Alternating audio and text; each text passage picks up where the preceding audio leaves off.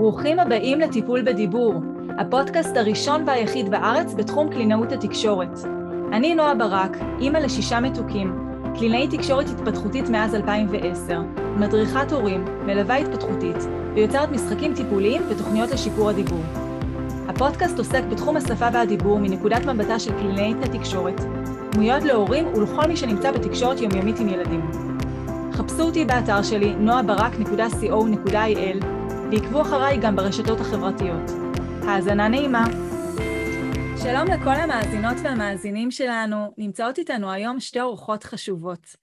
דוקטור, דוקטור קריסטינה קטנוב היא מדריכת הורים קבוצתית ופרטנית, בעלת תואר ראשון בפסיכולוגיה ודוקטורט במדעי החיים ממכון ויצמן.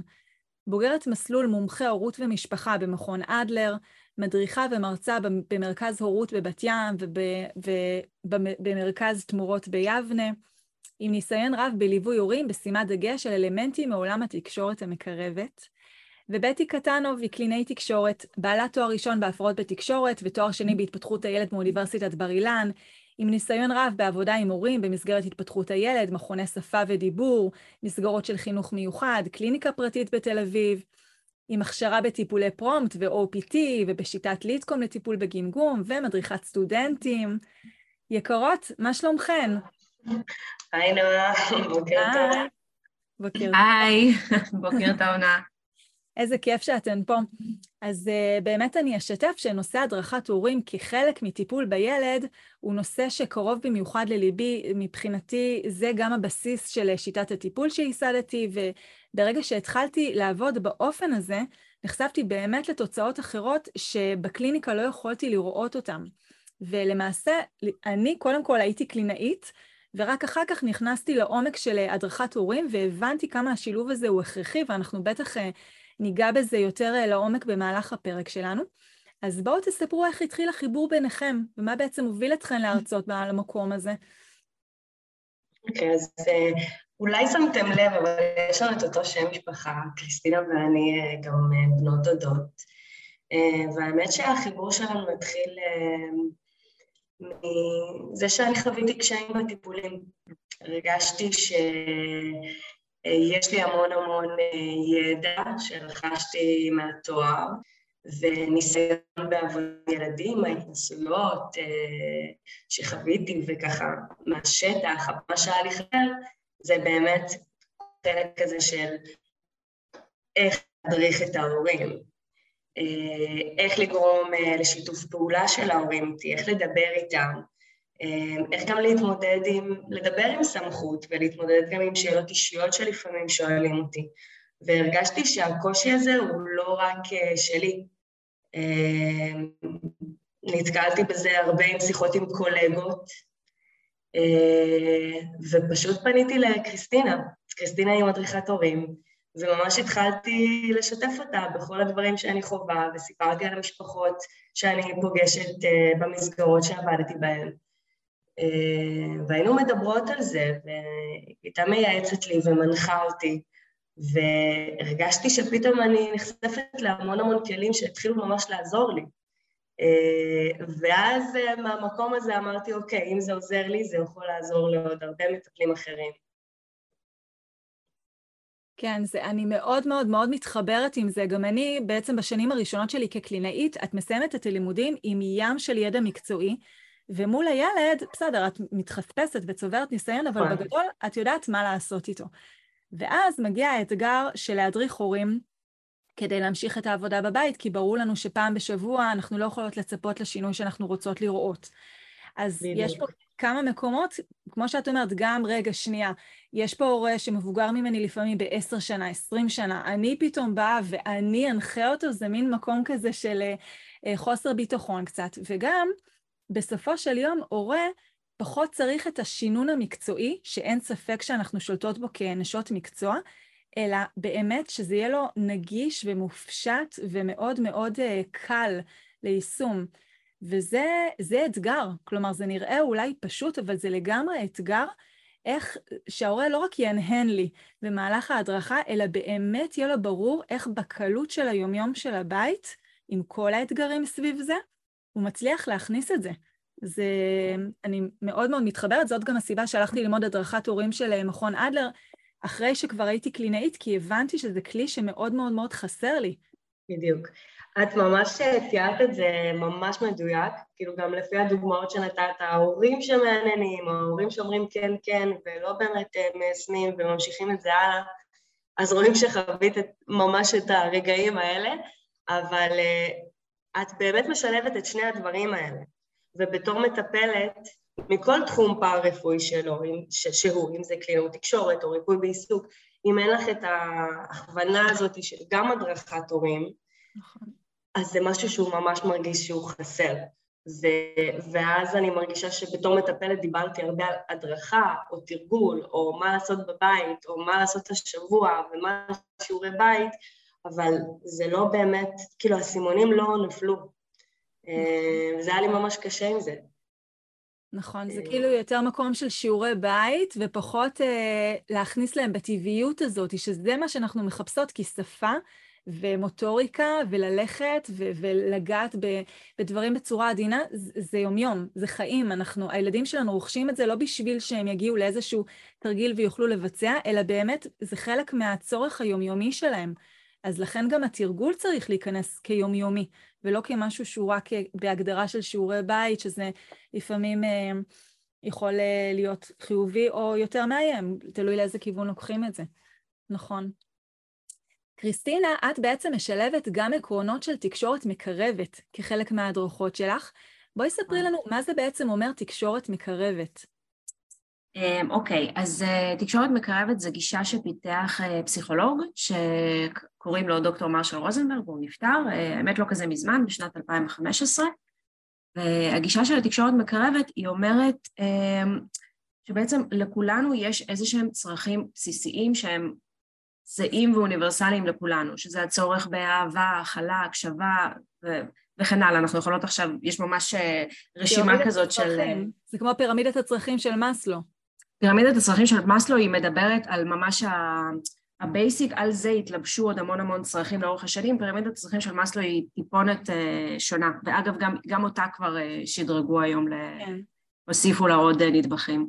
כן. אז, uh, אז מה, ש, מה שמרשל רוזנברג אמר בגישה שלו זה בעצם, אוקיי, כיוון שלכולנו יש את אותם הצרכים הבסיסיים, אז בואו רגע כשאנחנו נמצאים באינטראקציה עם אנשים בתקשורת בעצם, נשתדל להסתכל לא רק על ה... קודם כל להבין את עצמנו, מה הצרכים שלנו ומה הרגשות שלנו, שאגב זה, זה גם מאוד מאוד לא פשוט, אני אישית עברתי סדנה כזאת של תקשורת מקרבת וזה מצריך איזושהי התבוננות מאוד uh, עמוקה ורצינית.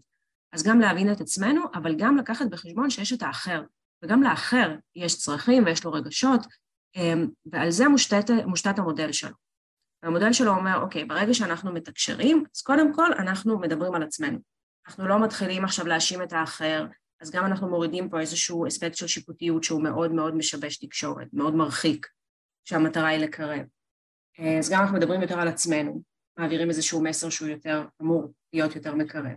גם כשאנחנו מנהלים את השיח אנחנו פחות uh, שמים סימני קריאה של אתה ככה, אני ככה וכן הלאה, אלא יותר פותחים את זה למקום סקרן, שואלים שאלות, שמים יותר סימני שאלה. אז יש לו עוד המון המון דגשים במודל הזה שלו, אבל זה ככה בגדול. והמטרה בסוף היא באמת לנהל שיח שהוא מקרב ולהגיע לפתרון בעיות ממקום קרוב, דרך חיבור, ולא ממקום רחוק ומנוכר. מקסים, האמת היא שאת אה, מתארת את זה, עולה לי תוך כדי, אחד מהדברים שאני באמת מכשירה את הצוות קלינאיות שלי, איך להדריך הורים בתהליך, זה לחשוב שאיך שאני בעצם פונה אל הילד, אני ככה צריכה לפנות אל ההורה. אני כאילו מתייחסת לזה שבמובנים מסוימים, ההורה הוא גם סוג של מטופל שלי בש, בשלבים מסוימים בתהליך. אז כמו שלילד, אני אפנה בגובה העיניים ואני אחזור כמה פעמים על הדברים, ואני לא אהיה שיפוטית, ואני אה, אנסה לעורר אותו לשיתוף פעולה ולשיח משותף. זה ממש אותם דברים שאנחנו בעצם משכפלות בתקשורת עם ההורים תוך כדי ההדרכה שלהם. חד משמעית, ויש לנו גם uh, סדנה עם בטי שבדיוק עוסקת בדבר הזה של איך לייצר את התקשורת עם ההורים, שם אנחנו מדברות על, ה, על הברית הטיפולית, על הקשר הטיפולי, ועל כך שהוא לא רק עם הילד, כמו שאתם באמת כבר למדתם ויודעות לעשות, אלא uh, צריך לייצר אותו גם עם ההורה. והברית הטיפולית הזאת עם ההורה, זה מה שיאפשר את התקדמות התהליך הטיפולי עם הילד בסופו של דבר. נכון, שזה ממש חלק מהותי. המקום הזה של הדרכת הורים, איך שאתן אה, חוות אותו ועל סמך הניסיון שלכן, זה משהו שהוא חיוני לכל הורה, או רק כשאנחנו נתקלים בבעיה עם הילד? אה, אני חושבת שזה תלוי את מי תשאלי, ועכשיו אני ובטי ניתן אה, כל אחת את... כן. וגם אגב בתוך המדריכות הורים, מדריכות הורים ובתוך הקלינאיות תקשורת, בתוך האוכלוסייה הזאת אני בטוחה שכל אחת יש לה דעה משלה.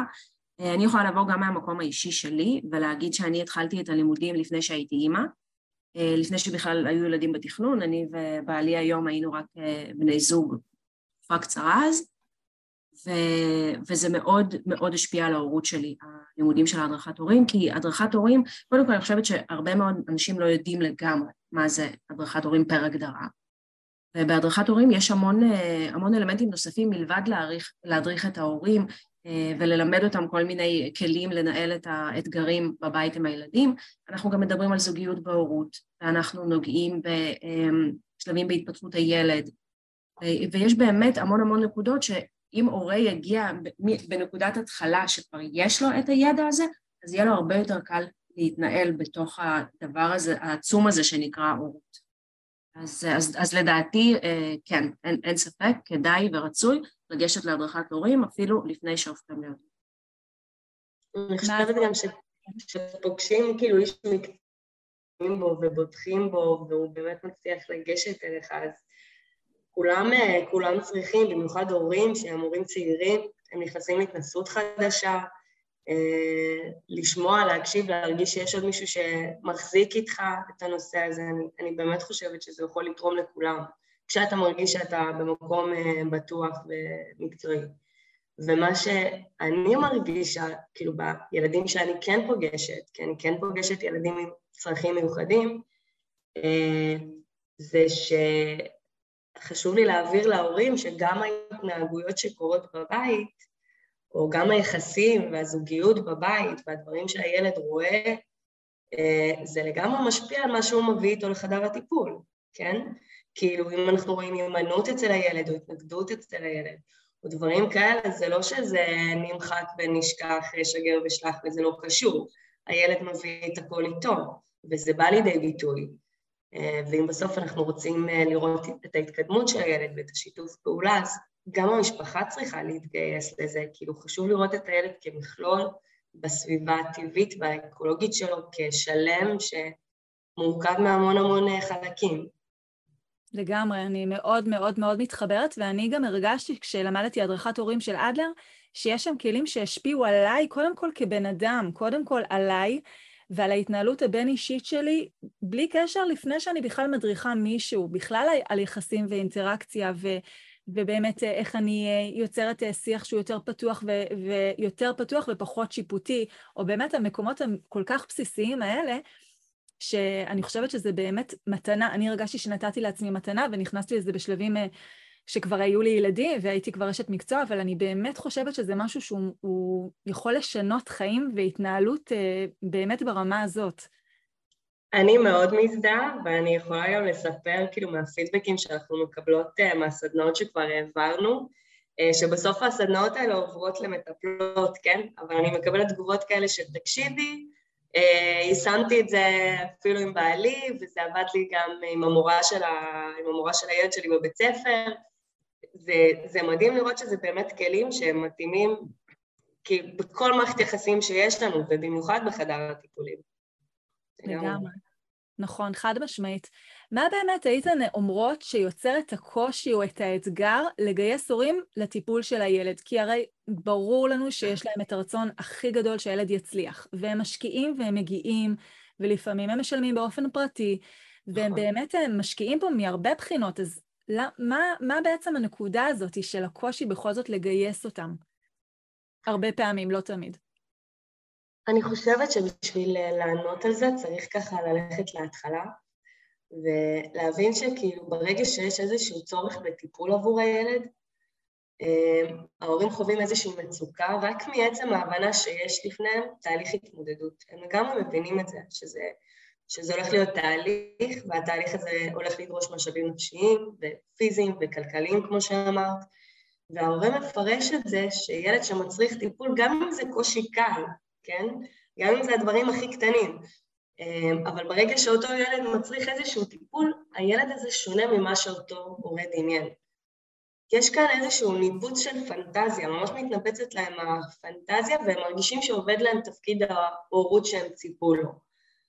אוקיי? אז כבר כאילו מהנקודה הזאת, ככה הוא מגיע לטיפול, ככה אנחנו פוגשים אותו בכל תחום שהוא.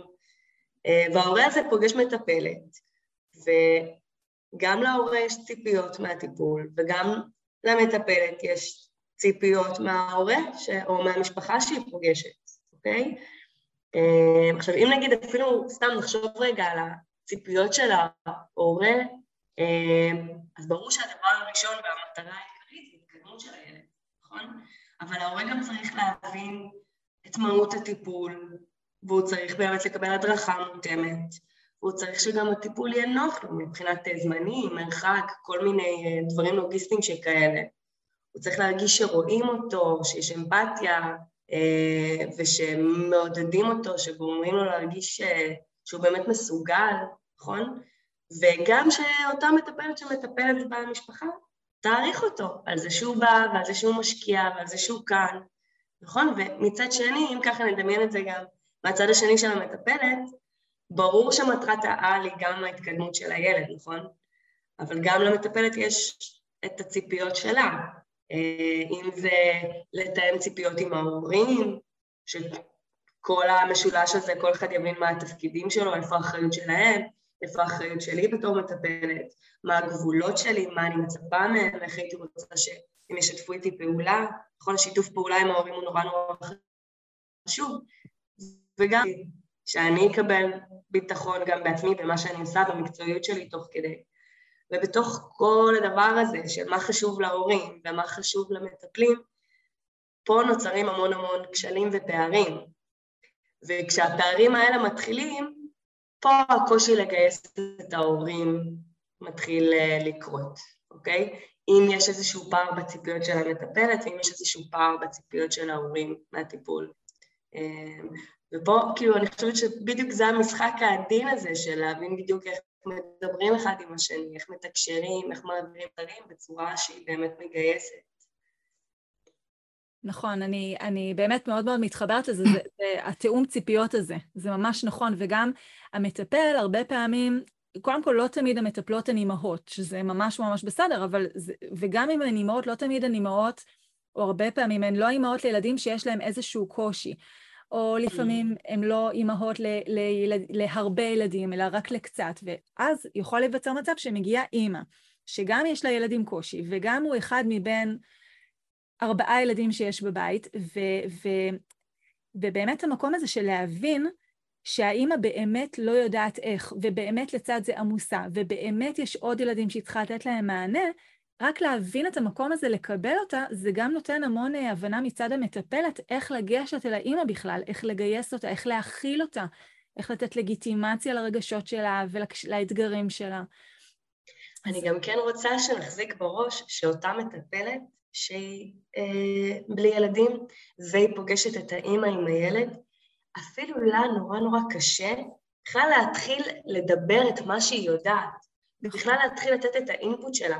כי איך אני יכולה, בתור מי שאין ילדים, להגיד לאימא הזאת מה לעשות? כאילו זה פוגש את שני, את שני הצדדים בדיוק באותה נקודה. Okay?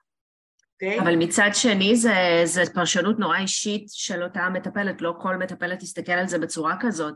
כאילו נגיד אני כשאני הולכת לאיזשהו איש מקצוע, אז אני לא מצפה שהוא חווה בדיוק את אותם הדברים שאני חווה, את יודעת, כשאת הולכת לטיפול פסיכולוגי, לא מצפה שהמטפל חווה אובדן, או משהו כזה שהוא צריך לעזור לך להתמודד איתו, או קשיים בזוגיות. כאילו זה גם נורא תלוי גם בפרשנות של המטפלת וגם בפרשנות של מי שמגיע. אם, אם יש לי בכלל ציפייה כזאת מהמטפל שלי שיהיו לו ילדים. ו... נכון. אני חושבת שברגע שיש לך מספיק ביטחון, ב, לא רק שוב, בכלים המקצועיים, אלא בכלים ההדרכתיים שלך, אז זה נותן לך יותר את האומץ גם להתמודד עם מקרים שאין לך ניסיון אישי איתם בכלל. ו- וכן, חשוב גם להגיד שיש הרבה הרבה יתרונות לקלינאי תקשורת, אה, לצורך הדוגמה, או בכלל מטפל פארה-רפואי, שאין לו ילדים, כי מצד שני הפניות שלו וההתגייסות שלו היא גדולה יותר באופן טבעי. אני יכולה לספר שהילדים שלי הייתה להם אה, לפני כמה שנים גננת שהיא הייתה נשואה טריה ועוד לא היו לה ילדים. ווואו, ההשקעה שהיא נתנה שם בגן הייתה ברמה פסיכית, כאילו, והילדים באותה שנה ממש הרוויחו. שנה לאחר מכן נולד לה ילד, אז לצד השמחה והאושר בהתקדמות שלה, היא גם הייתה כבן אדם, בסופו של דבר מטפלים עם בני אדם, היא הייתה כבן אדם פחות אה, פנויה לאקסטרה השקעה הזאת. כלומר שיש פה כמה כיוונים, זה לא שמי שאין לו ילדים הוא לא יכול להיות מטפל טוב, ממש לא. ובהרבה, ויש לזה המון יתרונות משלו. למציקולוגיה הזאת. אני חושבת שמשהו ש... כן, דברי מתי. נראה לי יש פה פשוט דיליי בגלל זה. כן, חיבורים שלנו בזום. מה התחלת להגיד, קריסטינה? אה, אני חושבת שמשהו ש...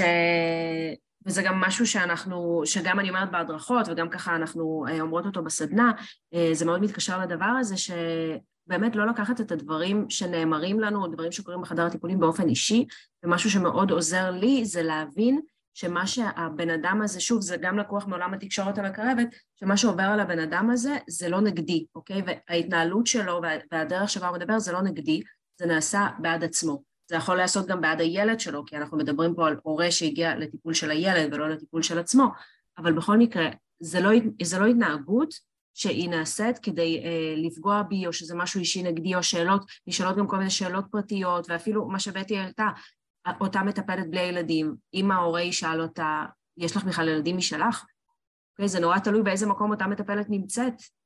וההבנה הזאת של השאלה הזאת שנשאלת, היא לא נגדך, היא לא אישית, היא לא, הוא לא בא עכשיו להשפיל אותך, אלא הוא בא באמת רגע לבדוק משהו עם עצמו, להבין האם הטיפול הזה שהילד יקבל זה מה שהוא מצפה, אוקיי? אה, ושם תלוי איפה, באיזה מקום המטפלת נמצאת, כדי שהיא תיתן לו את המענה שהוא לא, לא לתקוף אותו ולא לייצר איזשהו אנטגוניזם, כאילו לא לדרדר את המצב הזה. נכון. בטי, מה רצית באמת, אה, כן? לא, בדיוק מה שקריס רצתה להגיד, שגם, שוב, זה יכול להיות או איזושהי תקיפה, או דווקא איזושהי התגוננות ותחושה של חוסר ערך, ו- וזה שאולי זה אומר עליי משהו, אבל זה, זה באמת לא אומר כלום.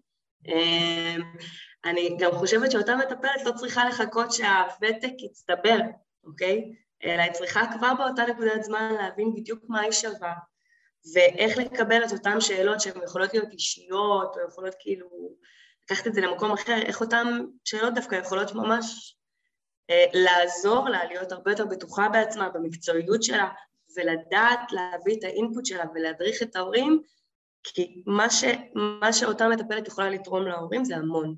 גם במקרה שיש או אין, זה בכלל לא משנה. המקצועיות שלה היא, היא שלה, כאילו יש, יש לה את הידע הזה לתת, ולא צריך לפחד לתת אותו. לגמרי, נכון, לחלוטין. בואו אה, ננסה להיכנס לאיזושהי דוגמה לסיטואציה שעלתה מחדר הטיפולים, אה, ואיך הייתן מציעות להתמודד איתה, סביב המקום הזה באמת של הדרכת הורים. וואו. אמ, יש, יש, יש אין סוף דוגמאות. כן. יש המון דוגמאות שעלו, ואני חושבת שאחת הדוגמאות שככה כל הזמן מעוררות עניין, אה, ונראה לי שנוכל אה, ממש להזדהות עם זה, זה נושא שנגיד אה, האמא או אבא שמלווים את הילד יושבים בחדר הטיפול והם רוב הזמן מביטים במסך הפלאפון. אני חושבת שזה משהו שקורה הרבה. נכון. שזאת ו... תמונת מראה יכולה להיות של מה שקורה בבית, כלומר הנוכחות של המסכים והאינטראקציה הבין-אישית ביניהם. היום, ה... היום הפלאפונים אה, הם באמת אה, בחיים שלנו הרבה, ואני חושבת שכל מבוגר גם יכול כאילו לקחת את המידת האחריות הזאת קצת גם לעצמו, כי אנחנו באמת הרבה מול הפלאפון. הילדים רואים את זה, הילדים מעתיקים אותנו בסוף, הם משכפלים את ההתנהגות שלנו, אנחנו רואים אותם משחקים עם פלאפונים כל הזמן, זה לא סתם, גם המהירות הזאת שהם יודעים לתקתק על המסך ולעשות את כל הפעולות, כן? זה מאובר חשיפה ו... וחזרתיות. אמ, אבל אני רוצה שנסתכל על זה קצת אחרת, 45 דקות של טיפול, זה הרבה זמן. מתי יוצא לנו היום ביום שלנו להיות 45 דקות ממש ממש בלי הפלאפון? אני חושבת שהמקרים האלה הם, הם נדירים, ואני כן רוצה כאילו להיות קצת יותר בהבנה כלפי עצמנו וכלפי ההורים, כי כמו שאנחנו ככה עם הפלאפון גם הם, וברגע הזה שיש טיפה יותר חמלה, וזה הופך להיות קצת יותר מובן וקצת יותר אופטימי, אז uh, אני מבינה שב-45 דקות מפגש או 50 דקות מפגש קשה לשמור על אותה רמת קשב וריכוז, וזה קורה לכולנו. קריסט uh, אפילו יכולה לספר, היא הייתה גם כן uh, אימא ש, נכון. ש, ש, שלקחה את הילד שלה לטיפולים בהתפתחות הילד. נכון, בתור, בתור אימא שישבה, כן, ישבתי עם הבן שלי גם בריפוי בעיסוק, ו- וגם באיזשהו שלב נכנסתי לטלפון, עם כל זה שאני מודעת ובאה אה, וכן מדריכה את הילד בבית והכל. אה, ישבתי עם הטלפון, ואז באיזשהו שלב היא בדיוק רצתה להגיד לי משהו, אז אמרתי, אוי, סליחה, הייתי בטלפון, והיא אמרה, בסדר, כאילו, לא קרה כלום, אבל הבנתי את הרמז לאבא. אה, אבל כן, אין ספק שזה, גם, גם להורה המודע זה יכול לקרות, וזה בסדר, המטרה היא עכשיו לא לתקוף אותו, אלא באמת להבין שזה יכול לקרות, לקרות לכולם. אז, אז מהנקודה הזאת אני דווקא אוהבת להיות במקום כאילו עם קצת יותר הבנה ועם שקיפות. אני מגדירה מראש, קודם כל לעצמי, מתי אני צריכה את הקשר והערנות של אותו הורה שיושב איתי, וזה התפקיד שלי גם לגרום לחדר הזה להיות נוח וממש לשקף ולתמלל להורה, ממש להגיד, אני, אני, אני פשוט אאותת לך כשאני אראה לנכון שתהיה איתנו, אוקיי? ואז זה כבר מרגיש הרבה יותר נעים, ו- ואז זה כבר גורם להורה לאותו לשתף פעולה, והוא ממש מבין את, ה- את המסר.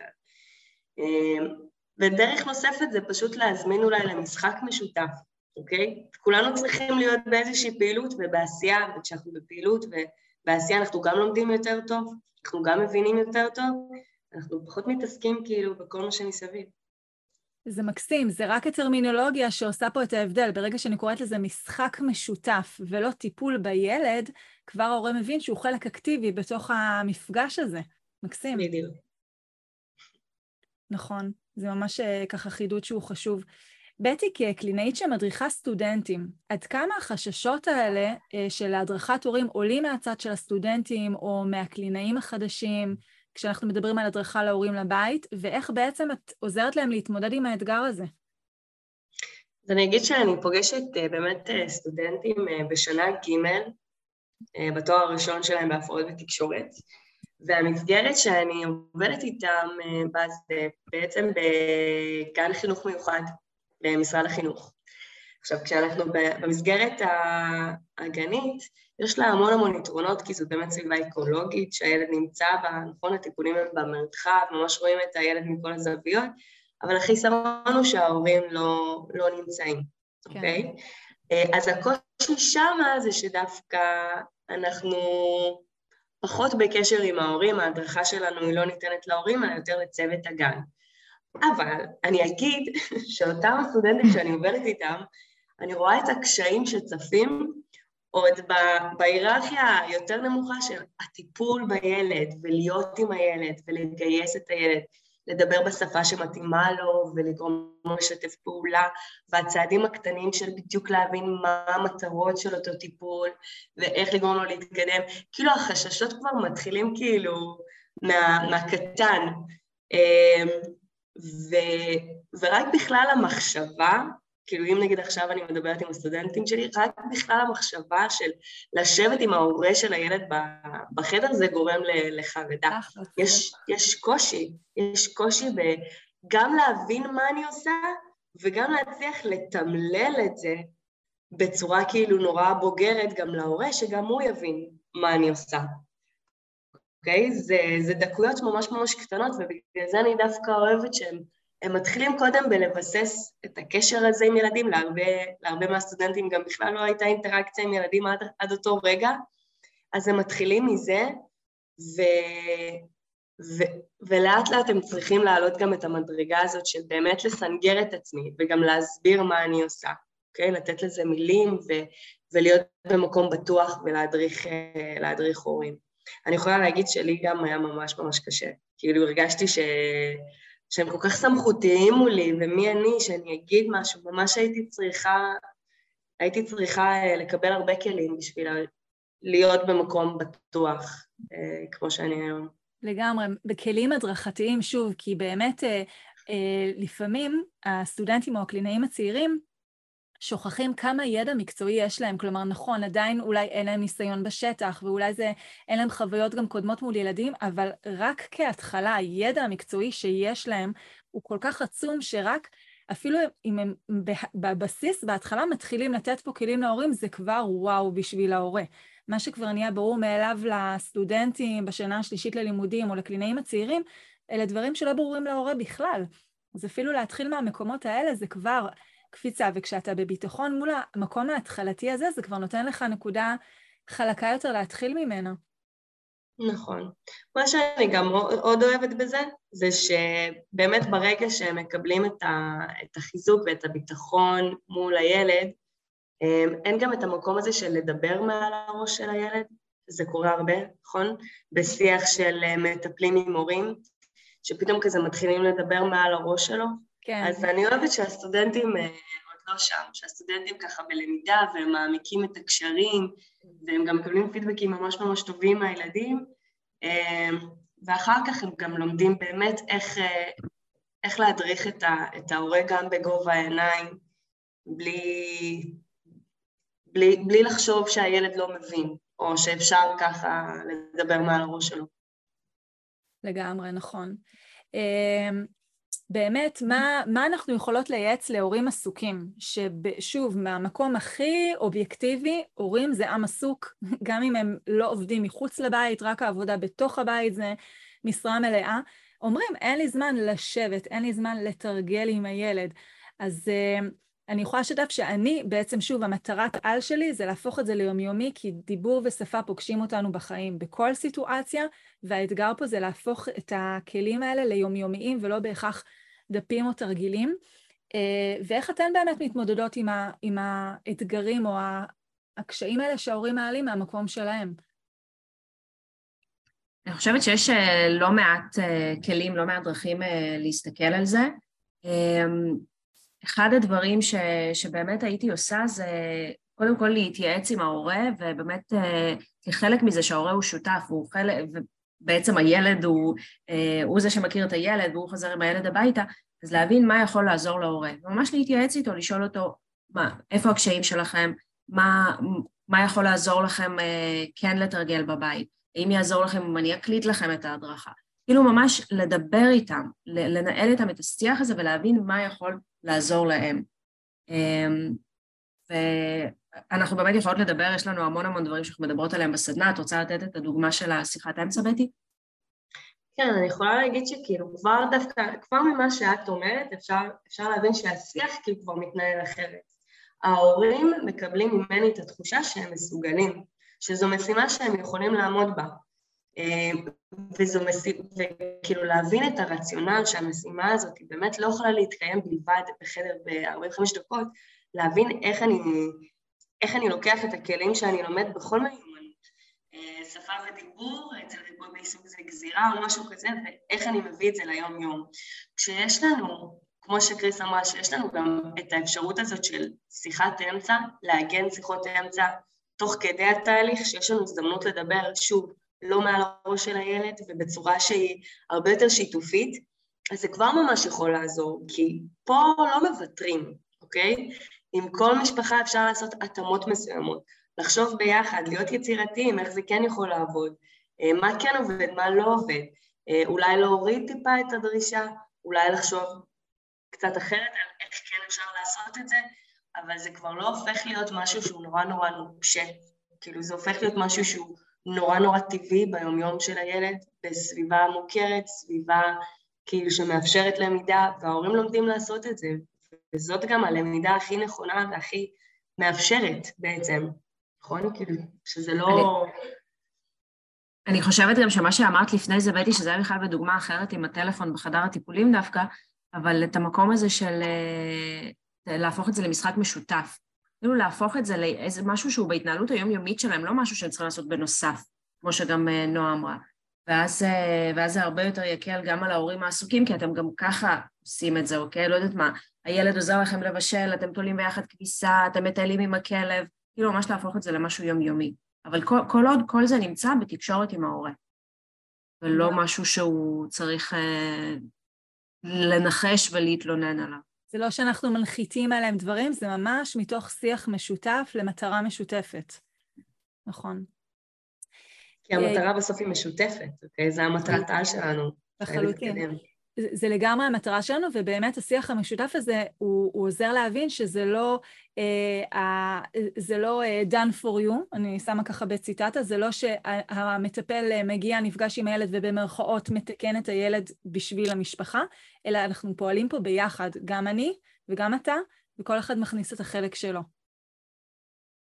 אה, יוצא לפעמים שהורים משתפים אותי שיש התקדמות מאוד מהירה בדיבור של הילדים בבית, אבל בגן ובמפגש עם חברים, או אפילו לא חברים, בני דודים, מפגשים משפחתיים, עדיין לא רואים שם את הקפיצה. ואנחנו יודעים שזה הגיוני, כי תמיד השיפור מתחיל מהמקום שהילד מרגיש בו הכי בטוח, הכי מוכר, שזה בעצם הסביבה הביתית, וככל שזה מתבסס שם, אז אנחנו נראה את הפירות גם בחוץ.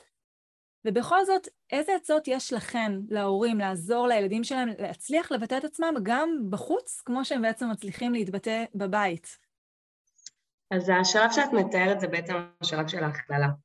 אוקיי? יש איזושהי מיומנות שנרכשת, אה, והיא נרכשת באמת בדרך כלל במקומות, ה... באזורי נוחות, בחדר הטיפול, נכון שהסביבה יותר עוטפת, ולאט לאט בבית, וקשה יותר לראות את זה בסביבה חיצונית, או בסביבה לא מוכרת, או עם משפחה מורחבת.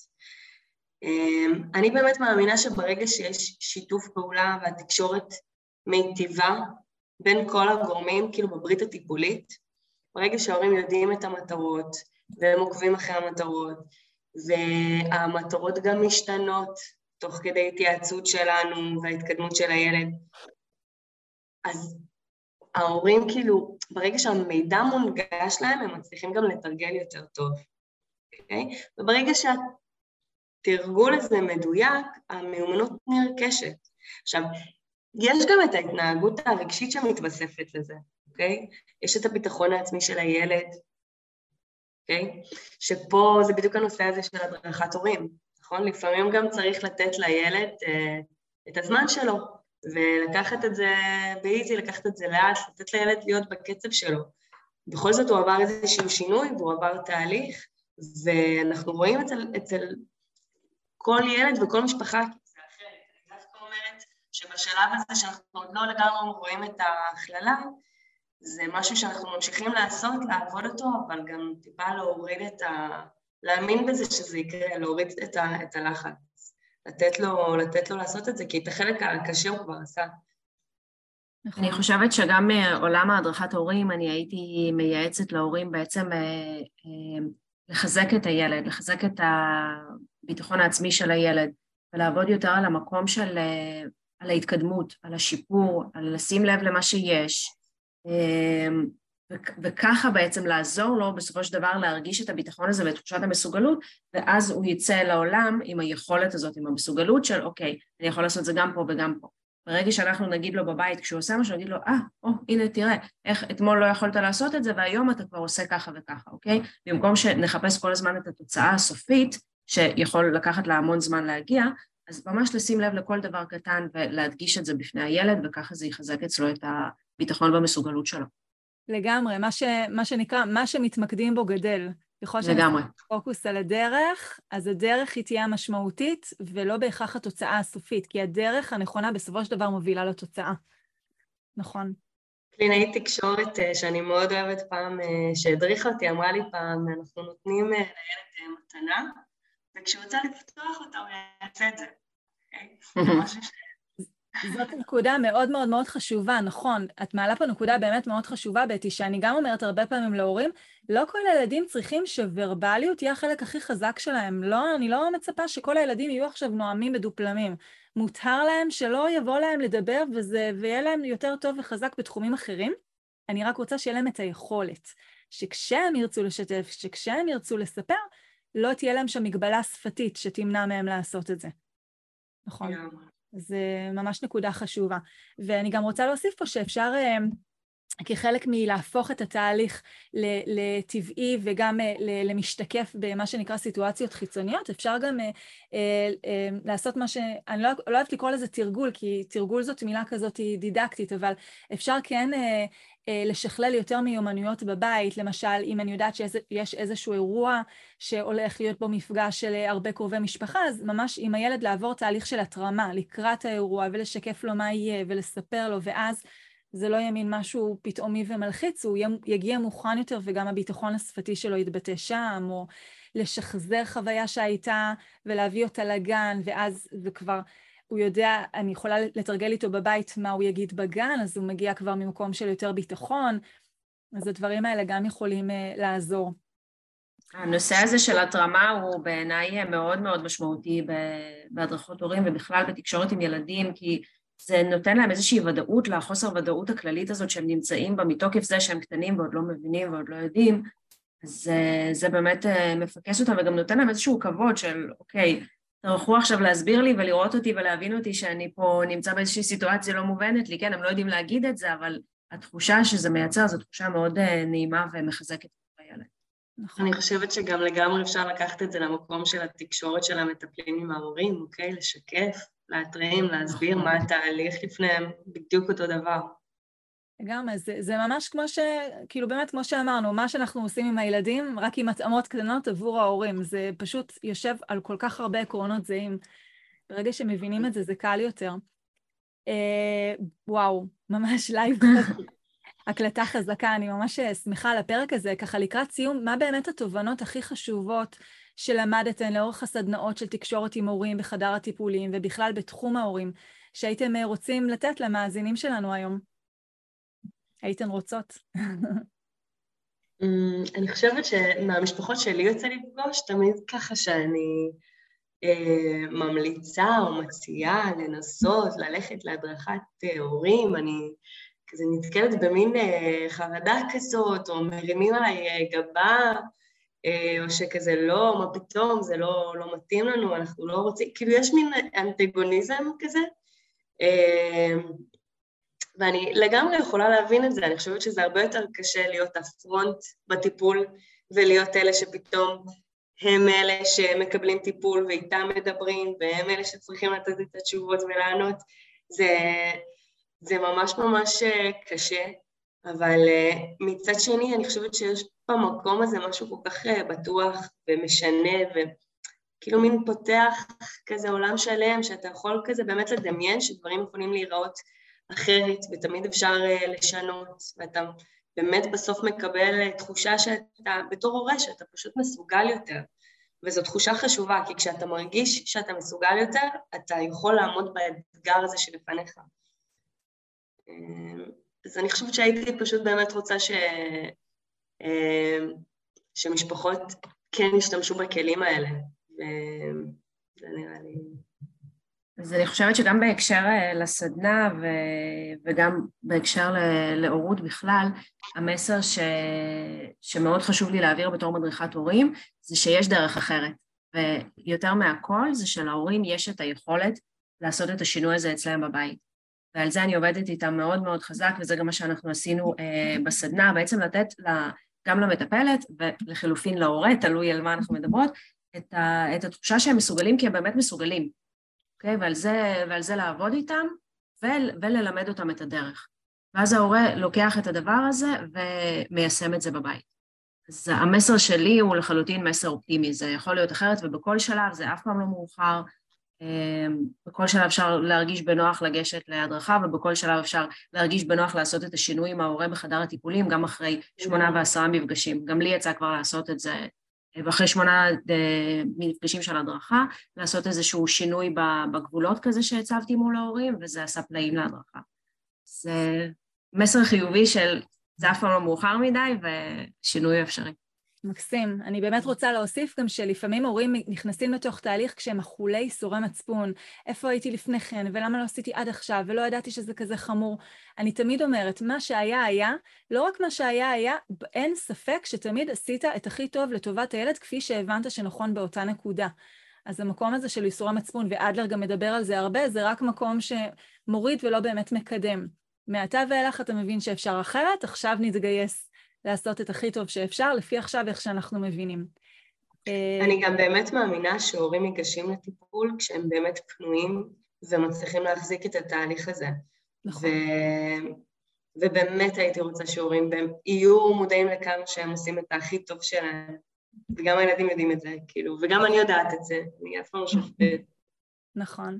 ועוד אה, ככה באמת נקודה שאני גם רוצה להוסיף לדברים המאוד חכמים שאמרתם, זה להבין שזה לא הכל או כלום. גם אם מורה כרגע לא מבין לעומק ועד הסוף את מה שהדרכנו אותו, פשוט להתחיל ממשהו. תקפוץ למים, תעשה את השינוי הקטן ממה שהבנת, ועל הבסיס הזה נתקדם. זה לא שצריך לחכות עד שתבין בדיוק פיקס, נתחיל, רק להתחיל. כי הרבה יותר קל להמשיך מאשר uh, להישאר מהמקום הזה של לעשות את הצעד הראשון. הצעד הראשון הוא בעצם תמיד הכי קשה.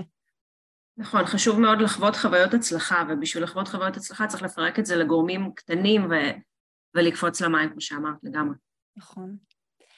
בטי וקריסטינה, היה מרתק לשוחח איתכן. תודה רבה שהגעת להתארח בפודקאסט. תודה לך, נועה. תודה רבה שאירחת אותנו, תודה. ממש תודה רבה, היה כיף גדול. תודה שהאזנתם לעוד פרק בפודקאסט טיפול בדיבור. רוצים לעזור לילדים שלכם לדבר טוב יותר כבר עכשיו? שילחו הודעה לנייד 050-769-4841 ואולי נדבר בקרוב.